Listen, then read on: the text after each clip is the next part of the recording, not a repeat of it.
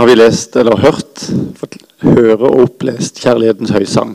En av de vakreste tekstene som er i Bibelen.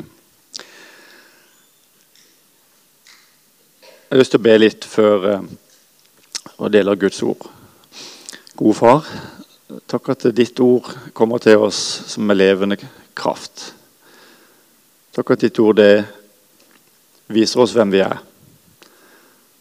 Så har det en adresse og en avsender Takk at vi får lov til å ta imot ditt ord i dag. Hjelp meg til å tale ditt ord. Amen. Vi er midt i en serie om å være disipler og være i eh, Å elske er et tema for, for denne gudstjenesten. Og Da skal vi eh, i tillegg til Kjærlighetens høysang også lese dagens eh, prekentekst fra Johannes 15, 9-12. Som Far har elsket meg, har jeg elsket dere. Bli i min kjærlighet. Hvis dere holder mine bud, blir dere i min kjærlighet. Slik jeg har holdt min fars bud og blir i hans kjærlighet. Dette har jeg sagt dere for at, dere skal, for at min glede kan være i dere, og deres glede kan bli fullkommen. Og dette er mitt bud. Dere skal elske hverandre som jeg har elsket dere. Dere skal elske hverandre. Kjærlighet. Elske. Det er ord som brukes på så mange måter i vår språk og vår kultur. Og Vi kan jo fort bomme litt hvis eh, ikke vi får med disse nyansene i, i språket. Hjemme hos oss så tror jeg alle våre fire de elsker taco på fredag. Og de elsker pizza på lørdag. Hva slags kjærlighet er det? Det er en kjærlighet som handler om å konsumere og nyte og ja, oppleve noe godt. Noen elsker et idol, en artist. De elsker en kjendis. Hva er det for noe? Det er en, det er en lengsel etter å være i nærheten av noen og kjenne på beundring og sole seg i glansen. eller ja, hva er det for noe, egentlig? Vi elsker barna våre. Og Av og til er vi så heldige at vi både føler at vi elsker dem, og vet at vi elsker dem. Og det er jo en dyp erkjennelse. Og så vet vi at i vårt språk så brukes også den mest, den mest intime hengivelsen til hverandre, så kalles jo det også å elske. Og De siste årene så har vi til og med fått ordet som slagord i gatene. Alle har rett til å elske hvem man vil. Og den erotiske kjærligheten som kanskje har tatt i overkant mye plass og eierskap til ordet i vårt språk, skyver kanskje vekk noen av de andre fasettene. Hvis vi går til Bibelen og grunnteksten og greske språket, så Ordet eros, eller erotikk, det finnes ikke i Nytestamentet. Når kjærlighetens høysang lyder så flott som man gjør her, så er denne kjærligheten som, som hele tiden males ut for oss, er jo en annen karakter. Det er en annen kvalitet.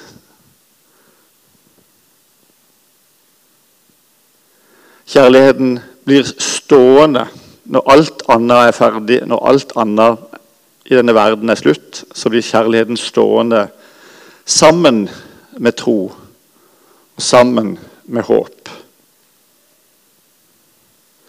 Det blir jo neppe feil, men det er jo litt sitatfusk når man bruker slagordet 'størst av alt' av kjærligheten. Så størst blant disse tre er kjærligheten. Men de skal alle stå der til evig tid. Tro, håp og kjærlighet. Og som sagt, Norsk er jo litt fattig her, og dette har de fleste kirkegjengere har fått med seg opp igjennom at det er jo denne agapekjærligheten. som brukes i kjærlighetens høysang og i alle stedene som Jesus snakker om kjærlighet. I den King James-versjonen, som vi sikkert kommer til å høre, og som sikkert blir lest både sist ble lest på i bryllupet til prinsen eh, fra, eh, fra, England Jeg vet ikke om det blir lest i morgen i begravelsen. så Når de leser 'Kjærlighetens høysang' der, så er det ikke 'love', det er det 'charity' som er det engelske ordet. Som, er, som har med hjertet å gjøre. Den kjærligheten som gir. Mens 'love' er den følelsesmessige kjærligheten, så er det 'charity'. Det er den praktiske kjærligheten som vises i praksis. Så Hva er det første du tenker på når du hører ordet kjærlighet?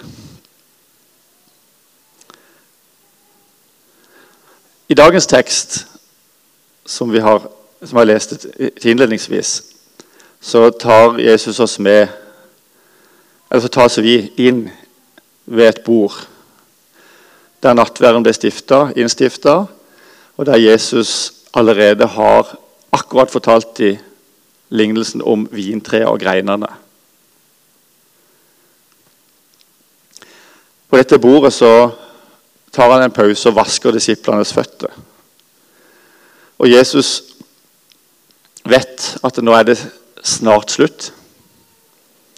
Den siste peptalken.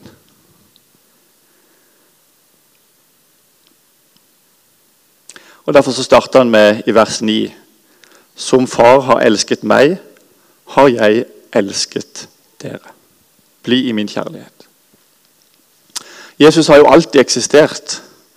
Han har alltid vært elska av sin far. I denne treenighetens evige fellesskap så har glede, kjærlighet, heder og ære flytt i en kontinuerlig strøm. Og når Jesus ble født inn i denne verden og skulle ut og tjenestegjøre, så var denne kjærligheten så viktig for Jesus at de to gangene som det kommer en stemme som er beskrevet i Bibelen som løyd, altså alle kunne høre det, så var det jo nettopp dette som var temaet. De hørte de som sto rundt en røst fra himmelen som sa 'Dette er min sønn, den elskede'. Og Jesus starta sin tjeneste med det ordet etter han ble døpt. Og Det var det samme ordet som lød på fjellet med Peter, Jakob og Johannes. De fikk se inn i hvem Jesus egentlig var, når han ble åpenbart for dem. Har du hørt den stemmen over ditt liv? Har jeg hørt den stemmen over mitt liv? Du er min elskede sønn. Du er min elskede datter. Det er mulig det blir litt for klissete. Jeg husker godt første gang min kjære Guro brukte de sterkeste ordene for kjærlighet til meg. Da ble jeg satt litt ut. For det var litt ord som Selv om det var forferdelig godt å høre dem, så var jeg ikke vant med så sterke ord om kjærlighet. Det tok litt tid å få gitt en ordentlig respons. Men å høre ordet fra sin egen far, at man er elska, det er dessverre ikke noe alle opplever. Jeg visste det nok hos, uh, i mitt liv uansett, selv om jeg ikke hørte det. Fordi gjerningene til min far talte et veldig tydelig kroppsspråk. Og ei farshånd som ruska i luggen, kunne jo også snakke høyt. Men så utfordrer ordet oss her på dette. Bli i min kjærlighet. Og Like før så har Jesus sagt 'bli i meg'. Denne greina på vintreet som bare er poda inn hos Jesus. Som får lov til å kjenne at det, det er en connection, det, det flyter en strøm. Og der en ikke kan bære frukt uten å være kobla på Jesus. Men så utfordres vi igjen av teksten i vers 10. Hvis dere holder mine bud, blir dere i min kjærlighet. Jeg vet Noen av dere er hundeeiere, og jeg synes det er fascinerende å se hvordan en hund kan være så lydig mot sin herre. Og Av og til så stopper en jo og ser litt på når de driver med dressur. eller sånn. Og En av kommandoene som jeg har lagt merke til det er denne bli. Bli i min kjærlighet. Men det er en vanskelig kommando, både for hunder og oss. Det er så mye spennende å finne på. Og Nå har vi testa ut dette, og nå er det, klare klar for noe nytt. Men det er noe med å bli værende i det en har fått, og vokse i det en har erfart. Når vi leser evangeliene, så møter Jesus veldig mange mennesker. Og det ser ut som det er lett å komme til Jesus. Altså De stimler sammen. De vil ha tak i han. De vil få tak i hva han har. Folk ble jo helbreda i bøtter og spann, så det gikk jo rykter langveis. Og folk trengte seg fram for å få et, et glimt av Jesus og få et touch av Jesus. Han møter alle med nåde, med kjærlighet.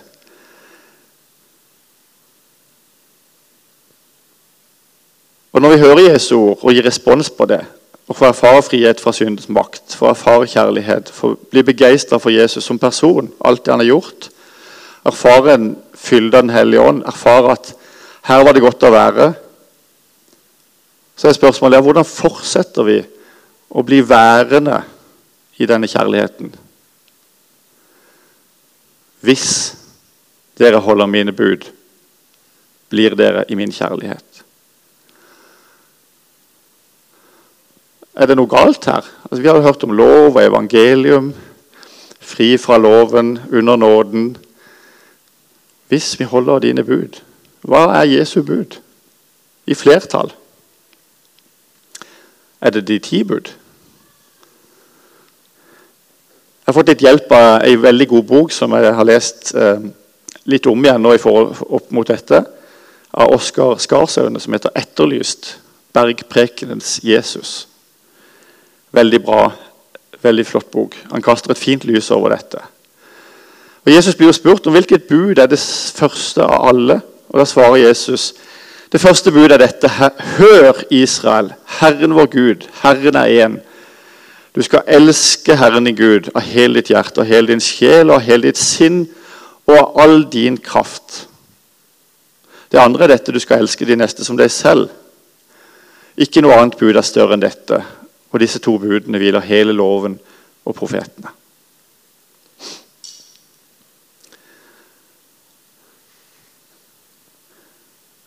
Jesus tar tak i det som var jødenes overskrift over loven, som var å elske Herren Gud. Jehova, Javé. Og Den starter med dette ordet 'hør'. Shma, som er det hebraiske ordet for 'hør', som også er navnet på denne trosbekjennelsen. En god jøde vil sitere den hver, hver morgen og hver kveld, minst. Og I 5. Mosebok så står det at man, de, skulle, de, skal skrive den på, på, hånda og på panna. Og noen, Kommer du kommer til Jerusalem, så ser du de har disse boksene på panna. De har teipa fast med bibelord inni. Og de har reimer med bønne med Guds ord på, på armene. Og de har noe som vi faktisk har hjemme på, på døra vår. De har en kapsel på dørstolpene der. Der ligger en liten Guds ord for å minne dem på det. En mesusa. Men dette ordet 'hør', hør Israel, det er ikke bare en oppfordring om ok, høre etter og rette oppmerksomheten vår. Når min far sa 'nå må du høre', så var ikke det en oppfordring om å bare registrere hva som ble sagt. Det var en klar forventning om at jeg skulle gjøre det som jeg hørte. Og Det samme gjelder i denne trosbekjennelsen til, til jødene, som da Jesus sier dette er det første bud. Hør, Israel. Et håp eller, Og når vi ber til Gud og sier at vi blir bønnhørt, så er det ikke bare at Gud har registrert vår bønn. Det er jo faktisk at det blir sånn som vi ber om. Og Dere husker jo at Jesus knytter høre og gjøre så tett sammen som det bare går an når han skulle fortelle lignelsen om å bygge sine hus. Hvis man ikke gjør det man hører, så kommer, gjør du bare halve, halve jobben. Så når vi kommer til det første og største budet vi skal følge, ja, så er jo budet å elske Gud. Elske Javé Herren. Og Da blir en litt sånn forvirra. For nå føler jeg jeg kjørte inn i rundkjøring, og så er det bare én vei ut. og den samme veien jeg kom inn på. Jeg skal elske Gud. Jeg elsker Gud ved å holde Hans bud. Og Hans bud elsker. Så man kommer, ikke, man ikke noen vei. og Det er liksom noe av ordets på en måte paradoks. Men dette er altså fundamentet. Elske Gud. Det er egentlig, Du kommer aldri utenom den. Den rundkjøringa blir du værende i. Der blir du, og der er det godt å være. Og hvordan elsker vi Gud med hjerte og all vår hjerte, alt vårt hjerte, all vår sjel, all vår sinn og all vår kraft?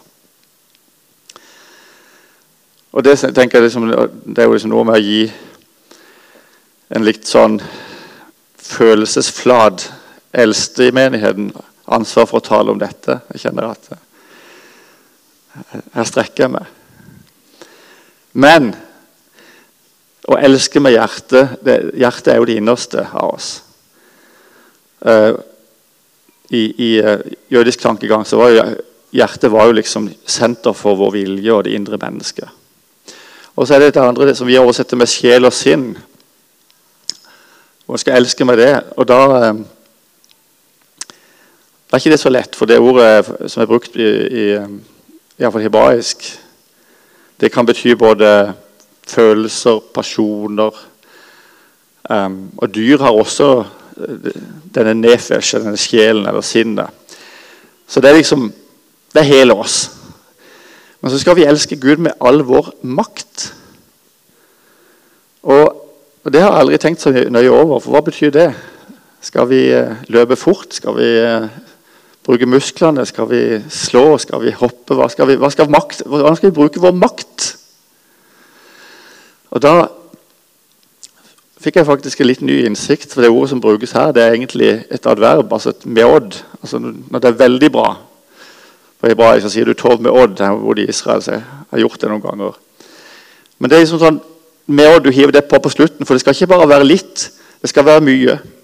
Det skal være intenst, og det skal være med stort trøkk.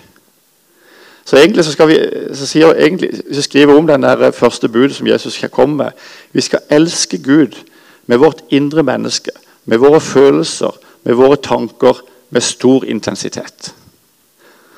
Og Hvis du har vært i Israel og sett jødene som ber med vestmuren, så, så står de og Det er liksom deres måte. De ber med kraft, med makt. De skal ikke bare sitte stille og få sagt og be. Når vi kommer sammen, så kan vi selvfølgelig få utløp for noe av den kjærligheten til Gud ved å tilbe. Jeg synes Vi hadde en fantastisk lovsangskveld på Himmeltun forrige søndag på kvelden. Han befales neste gang det blir en anledning til det. Men også i dag. Vi får gi Gud vår oppmerksomhet i fellesskapet, gi respons.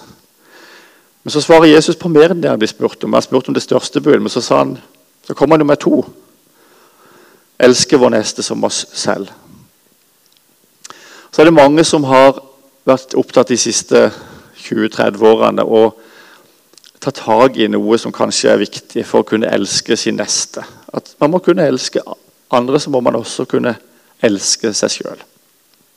La det være helt klart. Jeg skal ikke undervurdere viktigheten av en sunn selvfølelse. Hvis du har vært utsatt for overgrep, for mobbing, eller erfaringer som har ført til skam og selvforakt, så må du ta det skikkelig på alvor. Søk veiledning, søk samtale. Sliter du med skyld og skam, avtale et skriftemål med noen du har tillit til, om det er eldste eller pastor i menigheten. Men trenger du å kjenne tilgivelseskraft, så kan det anbefales skriftemål. Det har jeg gjort flere ganger sjøl. Det er helt fantastisk. Og Du kan gjerne starte en sånn prosess med å gå til forbønn i dag etter, etter denne talen. Samtidig, dette her med å skulle elske seg sjøl, er en usunn fokus i store deler av populærkulturen i dag. På eget liv, å finne ut av seg sjøl. Unge mennesker oppfordres dessverre i dag til å søke innover. innover. Hvem er du egentlig? fra veldig ung alder. Og Bibelens ord det er jo at hjertet vårt er svikefullt. Det er ikke så mye fast grunn der inne. Vi er skapt Guds, i Guds bilde for å representere Gud. Et bilde, et avbilde. Det skal reflektere noe. Og Det er ikke noe godt sted der for å søke inn i sitt eget hjerte for å kjenne på hvem man er og hvor. Uten å ha Gud med på laget så blir det fort identitetsforvirring. Jeg tror Det aller viktigste for å få et godt selvbilde er å kjenne på at du er elsket av Gud.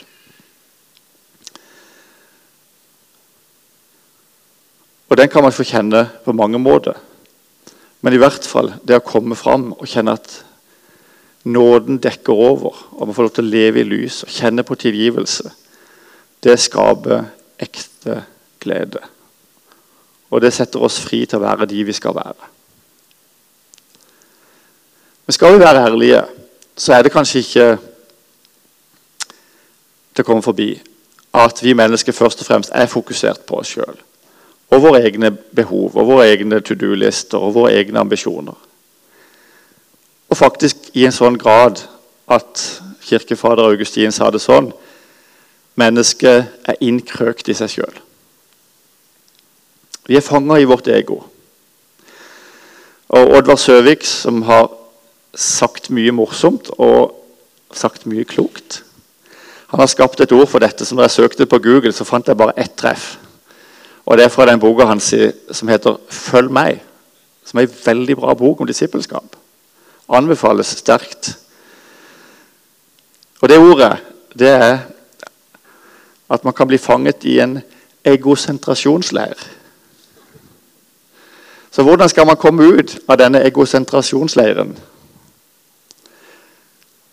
Det er spørsmålet. Mellom oss mennesker i verden så gjelder jo gjensidighetens lov.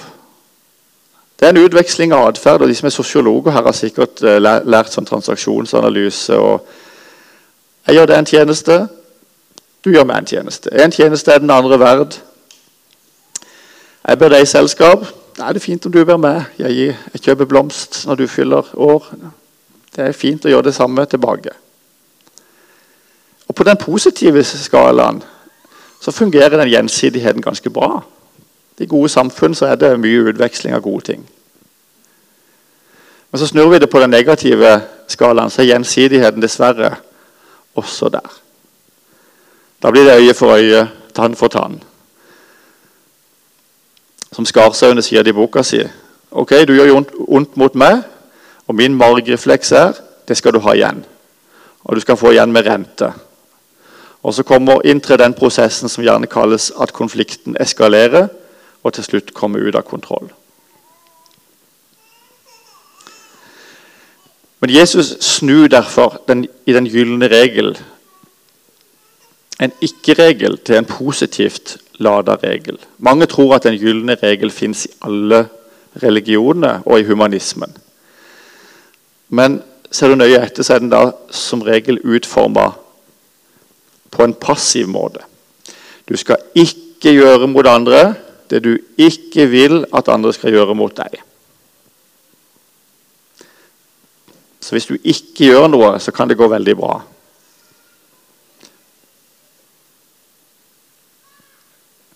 En negativ form for en gyllen regel. Og som stemmer for så vidt litt med de ti bud. Hva er det som kjennetegner de ti bud? Du skal ikke ha andre guder enn meg. Du skal ikke slå i hjel. Du skal ikke Og vi kjenner jo at når det begynner med 'ikke', så er det litt sånn forbudspreg. Det, det er litt ufritt. Men det er jo en klassisk libertariansk tenking. altså Grensa for min livsutfoldelse går der jeg ikke skader andre. Så langt at jeg ikke kan, helt til jeg skader andre, så kan jeg gjøre hva jeg vil. Og Vi kjenner det igjen i kardemommeloven. Man skal ikke plage andre, man skal være grei og snill, men for øvrig kan man gjøre som man vil. En sånn nylig undersøkelse i Sverige der de hadde spurt folk hvor mye De hadde spurt naboen om hjelp. Og neste, Vi skal elske vår neste som oss selv. På engelsk sier jo det 'neighbor'. Altså, det er de som er rett rundt oss, som ikke vi har valgt sjøl, som er der. Våre naboer er definitivt våre nester. Og så viste det undersøkelsen i Sverige at to tredeler i vårt naboland, og kanskje det er sånn her, de har aldri spurt naboen om å låne et verktøy eller bedt om å få et egg til ei kake når de sto i beita. Så denne her gjensidighetsregelen, denne her ikke plage andre Kan det være noe der at det skaper ensomhet? Og at det er noe annet enn det Guds rike skal være prega av? Skarsaune sier det sånn i boka. Jesus formulerer den gylne regel positivt. Gjør mot andre det dere vil at andre skal gjøre mot dere. Det handler altså ikke om en begrensning i hva vi kan gjøre. Det handler om å ta initiativ til gode handlinger. Det handler om å sette vår nestes foran hensyn til oss sjøl. Og det handler om det vi kunne kalle citat, 'godhetens overraskende kreativitet'.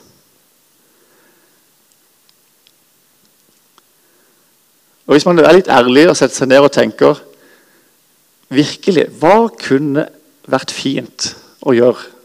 Så jeg tror det er mye som kan, kan dukke opp iblant oss. Både i menigheten og for naboer og andre. Og Noen er jo veldig gode på dette. Sjøl så tenker jeg at det kan jeg vokse mye mer inn i. Jesus i, bergpreken jo, viste jo denne forskjellen på en sånn gjensidighet og denne radikale kjærligheten som han peker på. For Han sier dere har hørt øye for øye, tann for tann, men jeg sier dere. Det er en ny standard. Setter ikke til motverge, slår noen deg på høyre kinn, vend det venstre til. Er ikke det et eksempel på overraskende kreativitet? Den som slår, blir overraska. Hva skjedde her? Et, han slår ikke tilbake.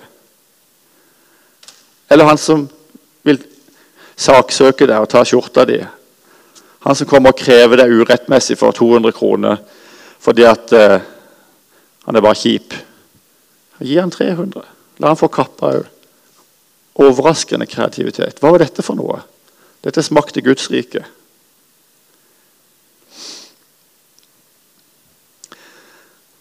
Biskop eh, Ernst Baasland sa det sånn Jesu bud er ikke lover eller bud i vanlig forstand.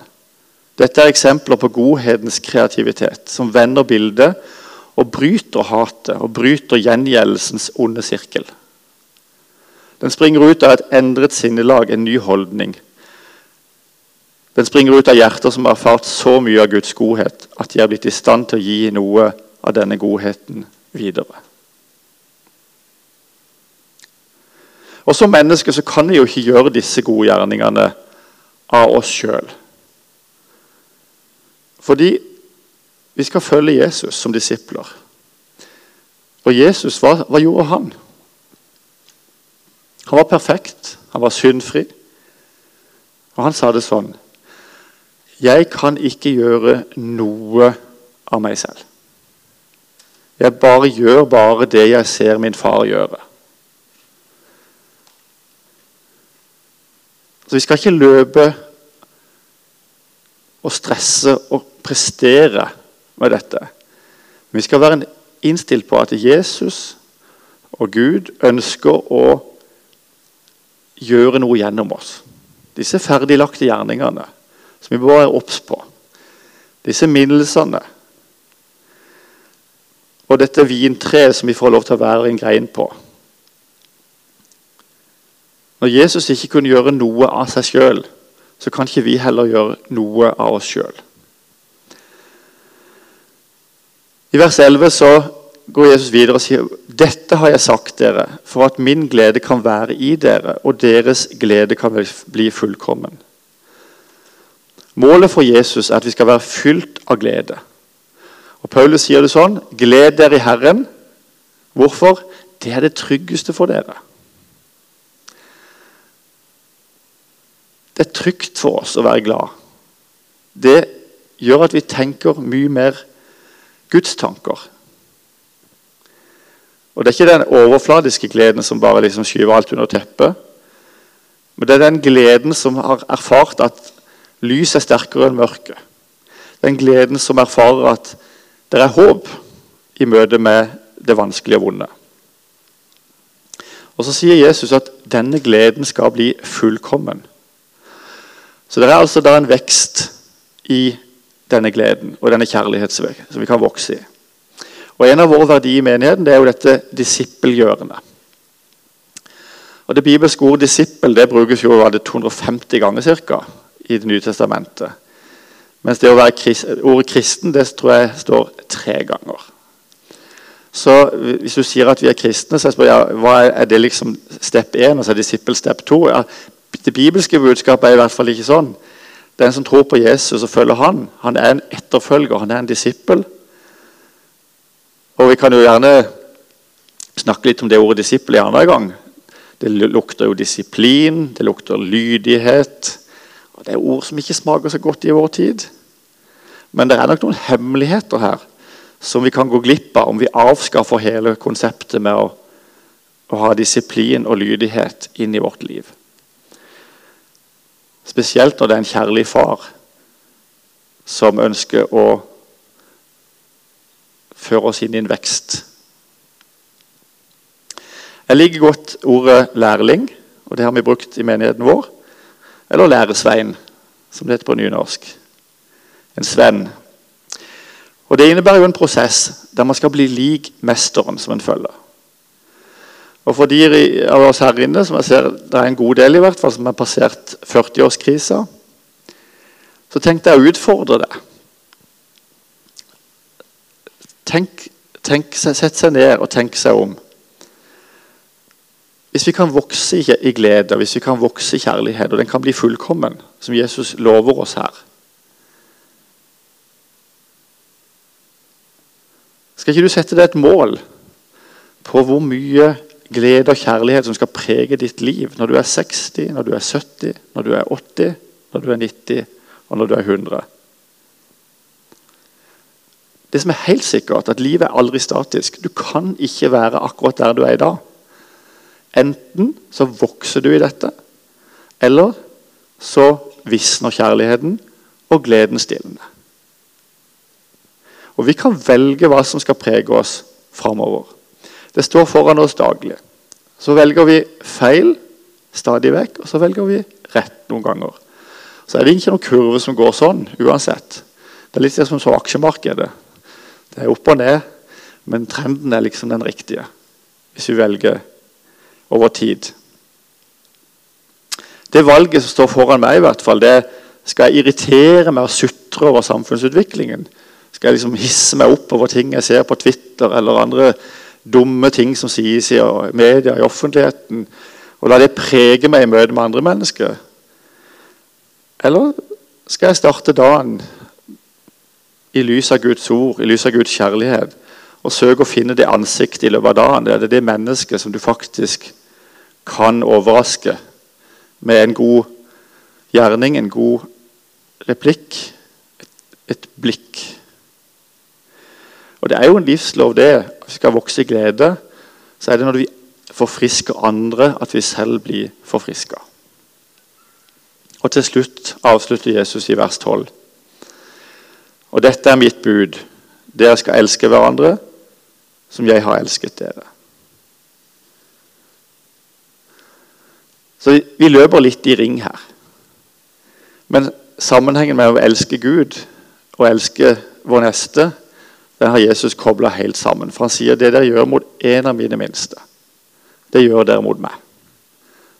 Det er ikke noe stor forskjell på det første og det andre budet. De, de henger sammen, de er like store. Og for oss alle sammen, når vi tjener i menigheten, vi tjener på jobb, vi tjener i familien, så er jo oppfordringen hele tiden gjør det som for Herren. Hvis du gjør det sånn for Herren, gjør det sånn for Gud, uansett hva man gjør, så får det en dimensjon av tjeneste og glede. Og så er det sånn, når vi snakker om kjærlighet, så sier Jesus den som er tilgitt mye, elsker mye. Så hvis du ikke syns du elsker Gud noe særlig, har du vært inn for han og kjent på hva nåden og tilgivelsen betyr. Vi blir, På Hawaii for to år siden så ble vi utfordret til å hente fram det verste vi hadde gjort noen gang. Og gå og bekjenne det på nytt til en på bibelskolen. Og, og gjør det. Det du virkelig har såra andre, det verste du har gjort mot andre mennesker. Ta det med. Det er, jo, er det tilgitt, så er det glemt. Men det var sånn, ta det opp. Virkelig kjenne på både smerten i det, og at faktisk tilgivelsen holder og dekker det. Av og til så må vi jo forstå hvor mye vi har tilgitt, for å kunne elske.